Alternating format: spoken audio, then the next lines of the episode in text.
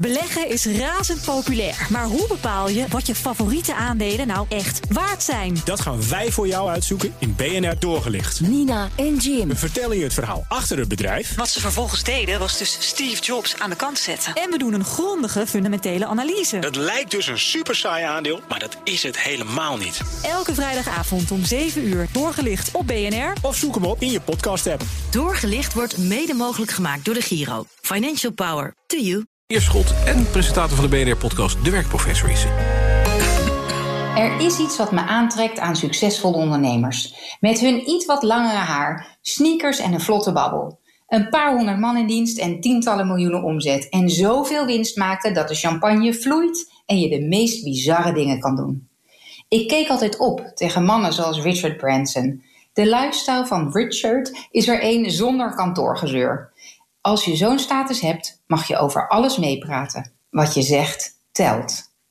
Deze ondernemers stonden op waar anderen bleven liggen. Ze zijn stoer en zelfverzekerd. Bel bij me aan, neem me mee. Oh nee, toch niet. Nu de standbeelden omver worden gehaald van helden die over de rug van anderen hun heldendom hebben verdiend. Nu Google, Apple en Epic Games in een boyfight zijn beland, vraag ik me af hoe de huidige CEO's hun champagne drinken en het leven vieren. Vindt Mark Zuckerberg het heerlijk om op zondagavond na te denken hoe hij met zijn platform zo min mogelijk maatschappelijke verantwoordelijkheid kan nemen? Schenkt Jeff Bezos zich een extra glas in als hij denkt aan die duizenden mensen die bij hem werken, die niet eens met een volle werkweek een bestaansminimum kunnen verdienen? Zijn ze zich ervan bewust dat hun standbeelden ook omver zullen worden gehaald. Dat we over 30 jaar vol onbegrip zullen kijken naar hen die nu niet standaard mens, maatschappij en moeder aarde willen sparen. Wanneer gaan zij voelen dat deze manier van geld verdienen niet meer kan? Net als dat we nu vinden dat je niet op slaven je rijkdom mag bouwen, mag dat natuurlijk ook niet op uitbuiting van mens, dier en moeder aarde. Deze CEO's leven nog als de publieke opinie echt gaat keren. Beseffen ze zich dat wel?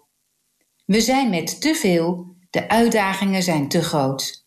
En we hoeven helemaal niet te kiezen. Het kan en-en. Dat bewijst de B Corp-beweging. Dat zijn bedrijven die naast winst en aandeelhouders ook mens, milieu en maatschappij als uitgangspunt nemen. Wij als consumenten kunnen kiezen om onze producten juist bij hen te kopen. Waar is de Richard Branson van dat soort bedrijven?